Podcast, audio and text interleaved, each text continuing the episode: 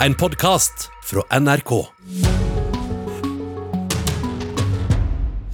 Og da har vi fått eh, Fredagspanelet på plass, og vi ønsker velkommen til eh, Sigrun Aasland, konstituert daglig leder i Tankesmien Agenda. Tusen takk. Audun Molde, førstelektor ved BI og Westerdals Oslo Act. God morgen. Og Tone Hansen, direktør ved Henny Jonstad Kunstsenter. God morgen. Denne uken kom en bok ført i pennen av de renommerte forfatterne Tore Rem, Espen Søby og Kjartan Fløgstad. Den handler om æresrettsunnskyldningen til Den norske forfatterforeningen. Dette er en stor og komplisert sak, eh, men eh, kun, eh, vi skal kun ta en liten gren av dette komplekset nå i Fredagspanelet, og spørsmålet er som følger. Har André Bjerke tapt eller vunnet på unnskyldningene fra Forfatterforeningen? Og her er det ikke ja og nei, men tapt og vunnet. Vunnet. Vunnet. Vunnet. Det er interessant at dere sier det alle sammen. Skal vi begynne med deg, Aasland? Ja, eh, han har jo fått da en unnskyldning for eh, det han ble dømt for. Og så er jo vel dette Jeg tenker denne saken er en illustrasjon på hvor dårlig idé det er å skjære alle over en kam. Det er en sak med ekstremt mange lag. Han har åpenbart engasjert seg i et forlag som har vært en del av en større nazistisk organisasjon. Eh, og så har han jo også en, eh, en motstandsmann og har skrevet dikt som har en åpenbar sånn antiautoritær tråd. Men, eh, men, men her er det jo slik at de tre forfatterne ønsker da mer eller mindre at denne unnskyldningen skal trekkes tilbake. Ja, jeg ser de gjør det. Og at man vil man skal si unnskyld for å ha sagt unnskyld. Og at det åpenbart har vært gjort ting her som ikke skulle vært gjort. Jeg har ikke lest den boken, så jeg skal ikke Nei, Den er nettopp kommet på markedet, så jeg, jeg forventet ikke det av dere. Den. Men, og jeg tror ikke dette er, Det er ikke noe enkelt svar på dette. Men at André Bjerke, eller hans familie, er glad for den unnskyldningen, det tror jeg. Så, sånn sett vunnet. Men er det ikke sådd litt tvil her, da, Molde, ved at de nå sier at denne unnskyldningen fra Forfatterforeningen, den er, den er urimelig å komme med? Jo, men det er jo en sak med sikkert mye tvil og store lag av kompleksitet, som Sigrun sier også. Det er ikke en enkel sak. Men jeg tenker at Forfatterforeningen de kom jo med unnskyldning til mange forfattere, 16-17 stykker tror jeg det var. Og det gjorde de på et tidspunkt da ingen av disse var i live lenger. Og ingen av disse menneskene har sikkert bare gjort riktige ting. Men nå i etterkant å komme og fortsette å gå etter André Bjerke 80 år etter krigen, det har jeg veldig liten sans for. Altså Man må gjerne ha en diskusjon om dette, og selvfølgelig må historikere gå inn og, og finne ut hva som har skjedd, og diskutere det og forske på det. Men det å, si, å trekke tilbake en unnskyldning, det syns jeg egentlig ikke er riktig ting å gjøre her. Og Min refleksjon rundt det er jo også at vi som ikke har levd i et Norge i krig, vi, vi kan, altså jeg forbeholder meg retten til å ha en ganske stor porsjon ydmykhet eh, overfor det livet som man må ha levd den gangen. Eh, som jeg har hørt om fra min foreldregenerasjon og lest om i utrolig mange bøker om krigen. Ikke de gode og de onde, men alle nyansene imellom. Og hvordan det var å ha et vanlig dagligliv, ha et vanlig yrkesliv.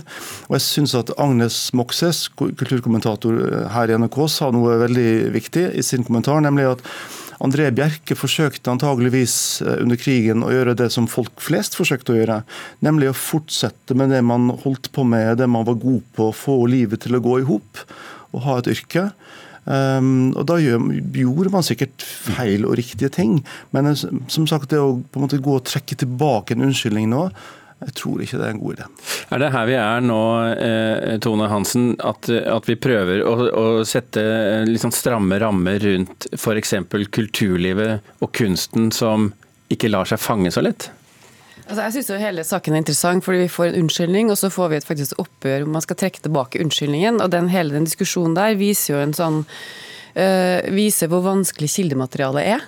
Og hvor vanskelig det er å skrive historie. Og jeg tenker at Det har vi vunnet ganske mye på å få den diskusjonen opp, siden vi da heldigvis slipper å ta stilling til om, om det er riktig eller galt å si unnskyld, eller om det skal trekkes tilbake eller ikke. Så tenker jeg at det er veldig nyttig å få den samtalen om hvor vanskelig arkivet er, hvor vrangt et arkiv kan være, og hvor, hvor mye som skal til for å kunne eie en sannhet. Og det skal jo aldri litteraturen settes i Skal aldri litteraturen kreves for å kunne representere en sannhet, den skal jo representere et liv, et, et forhold vi har mellom oss. Så jeg, Sånn sett så tenker jeg at litteraturen vinner på at vi får den diskusjonen. Ja, er det Også- sånn sett bra at denne boken kommer med disse tre forfatterne, som jo er Det er jo dyktige eh, mennesker som har skrevet denne boken. Altså, Fløgstad har jo hatt den kampanjen gående lenge, eh, siden den unnskyldningen kom. Eh, og jeg har tiltro både til Fløgstad og teamet hans, men også til Heide Marie Krisnik, som er en veldig kompetent leder av Forfatterforeningen. Så jeg tenker at er, det er derfor jeg er så glad for å slippe å ta stilling til om det er okay, riktig eller galt. Men jeg syns litteraturen vinner på at vi diskuterer hva kildematerialet har å fortelle oss. Du skal slippe å svare mer på dette i det hele tatt, faktisk, når vi skal gå til spørsmål nummer to. En million nordmenn eh, mistet eh, tilgangen til TV Norge, Max 5 og Eurosport-kanalene og eh, sikkert en rekke andre etter brudd i forhandlingene mellom Discovery og Telia denne uken. Deretter så beskyldte de hverandre for løgn, på lufta her i, i Nyhetsmorgen faktisk. Spørsmålet vårt i dag er TV-kanaler i pakker fra Get eller Kanal Digital til forbrukerne. Er det svaret på fremtidens mediebruk? Nei. Nei. Nei. Det regna jeg med at dere kom til å svare. Men hva er alternativet? Ja, Det er jo det som er eh, grunnen til at jeg svarer nei, at det vet vi jo ingenting om. For denne bransjen har jo endret seg masse, både med aktører og forretningsmodeller og, og hva man får kjøpt. Det som kan skje, eh, og som ikke bør skje, som skjer i veldig mange bransjer, og også denne bransjen, er jo at det blir stadig færre, stadig større aktører som eier en stadig større del av verdikjeden og eh, tar seg betalt akkurat det det passer dem. Eh, så det håper jeg jo ikke at det blir. Men at framtida blir noe annet enn det det er nå i mediebransjen, det tror jeg vi kan være ganske sikre på.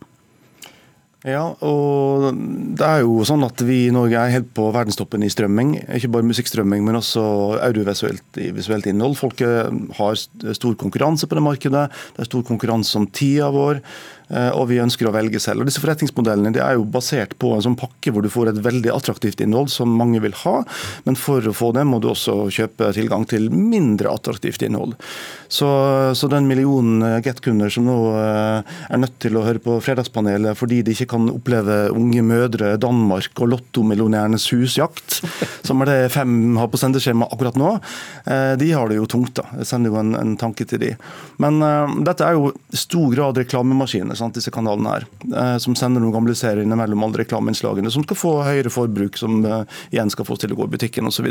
Men så har du det attraktive materialet, Eurosport, som er alle sportsrettighetene, som også har tatt helt av i pris.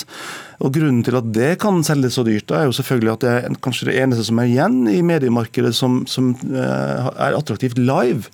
Altså Alt annet kan vi jo se on demand, men sportsbegivenheter, kanskje en viss grad nyheter og debatt, det er nesten eneste igjen som folk eh, trenger å se live.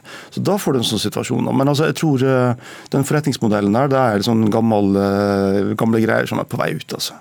Så en herlig diskusjon da når jeg leste meg gjennom saken, hvor, eh, hvor Discovery Channel sier at det koster ikke mer enn et par kronesis i året for kunden å ha disse kanalene her. Men den kronesisen vil jeg heller jeg spise enn å måtte se på Discovery. Altså. Kommer det reklame for kronis, da? Ja, nå blir det mye kronisreklame her. Ja, det har liksom blitt gullstandarden ja. når det er diskusjon. Da syns jeg det blir litt som barnestreker. Eller kaffekopp er, jo også eh, Ikke sant. Ja. Mm, det har jo blitt ganske dyrt med kaffe. Men eh, jeg syns livet uten TV er så herlig. Og når de sa at de skulle, skjermen skulle gå i svart, så tenkte jeg yes! Altså, nå skal vi bli litt sånn ro og få gjort det vi skulle ha gjort. Men, Men det er jo Betyr det at du ikke ser på skjerm på kvelden? Jeg jeg ser jo på datamaskinen, da. Ja. Akkurat nå så har jeg ikke Get engang, men jeg skal vel få det, Ser du tenker jeg. ikke på Unge mødre Danmark og Sinnasnekkeren alle episodene?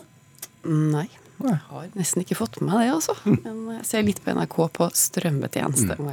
Men Betyr det at du anser deg for å være en person eh, som er veldig typisk for det nye mediemarkedet? At du, at du bruker datamaskinen din og ikke TV-en din? Ja, ikke sant. Jeg har jo eh, stor grad av individuell, individuell bruk, ja. Men har jo vokst opp med dynastiet og, og gullrekka og alt det der. Så jeg elsker jo den fellesskapsfølelsen som TV gir oss. Apropos ting som kanskje har sett sine beste dager. eh, Denne uken så kom beskjeden om at Genesis skal gjenforenes. Ikke gamle Genesis med Peter Gabriel som vokalist, men nye Genesis Phil, med Phil Collins som eh, vokalist.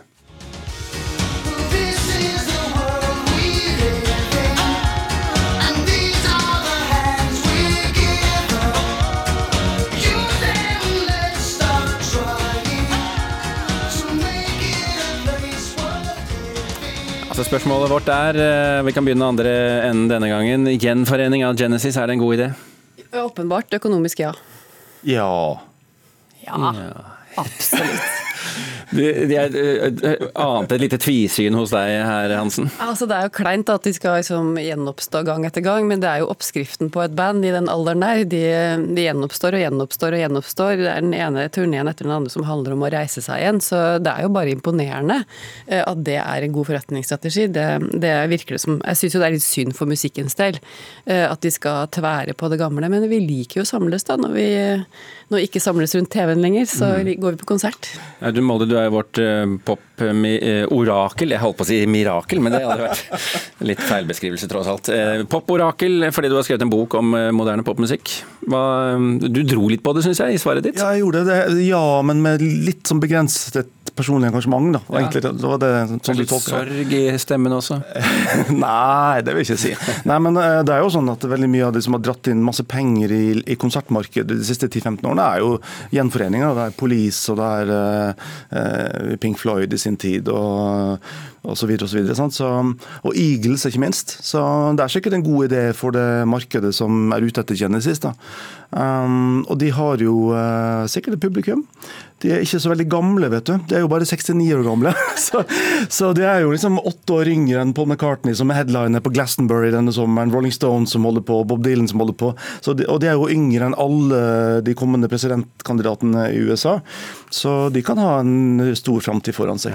Jeg var, jeg var litt i tvil, Sigrun Aasland, for du er født i 78. Ja. Så jeg var i tvil om du faktisk eh, hadde fått med deg Genesis da de var store på 80-tallet, men det hadde du. Eh, Jeg måtte gjøre litt research. Jeg har fått det med meg. Eh, Men jeg har ikke noe sterkt forhold til Genesis, verken med Peter Gabriel eller Phil Collins. Eh, Jeg svarer ja først og fremst fordi jeg tenker at det er veldig viktig at folk står i jobb lenge.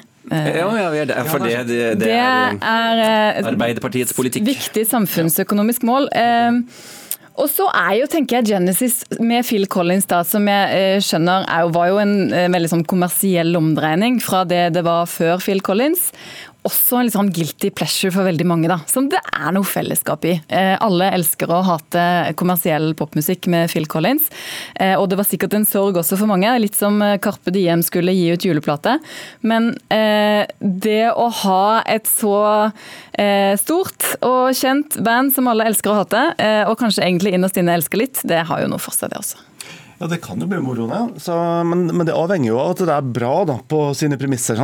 Det må, de må jo ha verdigheten i behold, og de må greie å levere det som publikum forventer. Og Da kan det jo være ok.